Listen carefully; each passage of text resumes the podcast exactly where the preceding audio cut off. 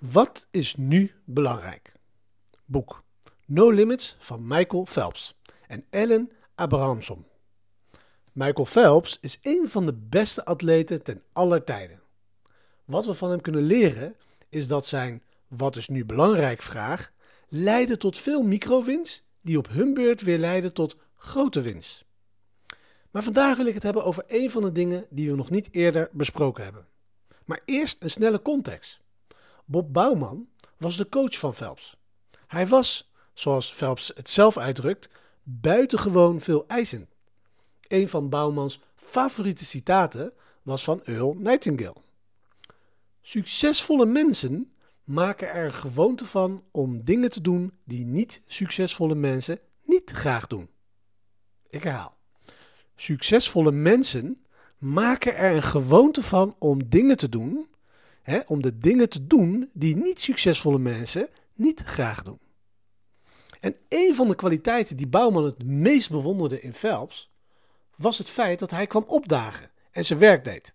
Ook wanneer hij het leuk vond of niet. Ook wanneer hij zich niet helemaal goed voelde of niet. Bob zei dat een van de dingen die Phelps het meest van andere zwemmers onderscheidde, was dat andere zwemmers, als die zich niet goed voelden, ze dan ook niet goed zwemden. Maar bij Phelps was dat niet zo. Phelps zei het zelfs zo. Als ik niet in de stemming was om te oefenen, kreeg ik mezelf gewoon in de juiste stemming.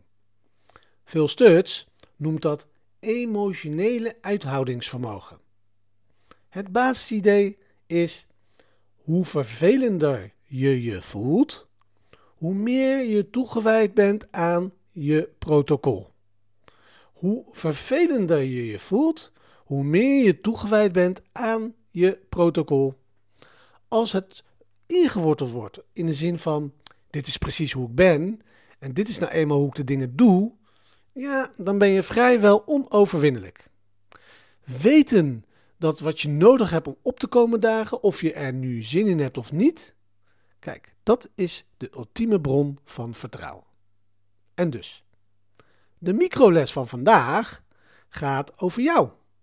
Hoe gaat het met jou? Opmerking. het maakt niet uit. Het gaat erom dat je toegewijd bent om op te komen dagen. Onthoud deze vergelijking. Identiteit stuurt gedrag aan. En gedrag stimuleert gevoelens. Laten we stoppen met constant kijken naar hoe we ons vandaag voelen. En laten we ons gewoon afvragen: wat is nu belangrijk? En doe het dan. Vooral op de dagen dat we er geen zin in hebben.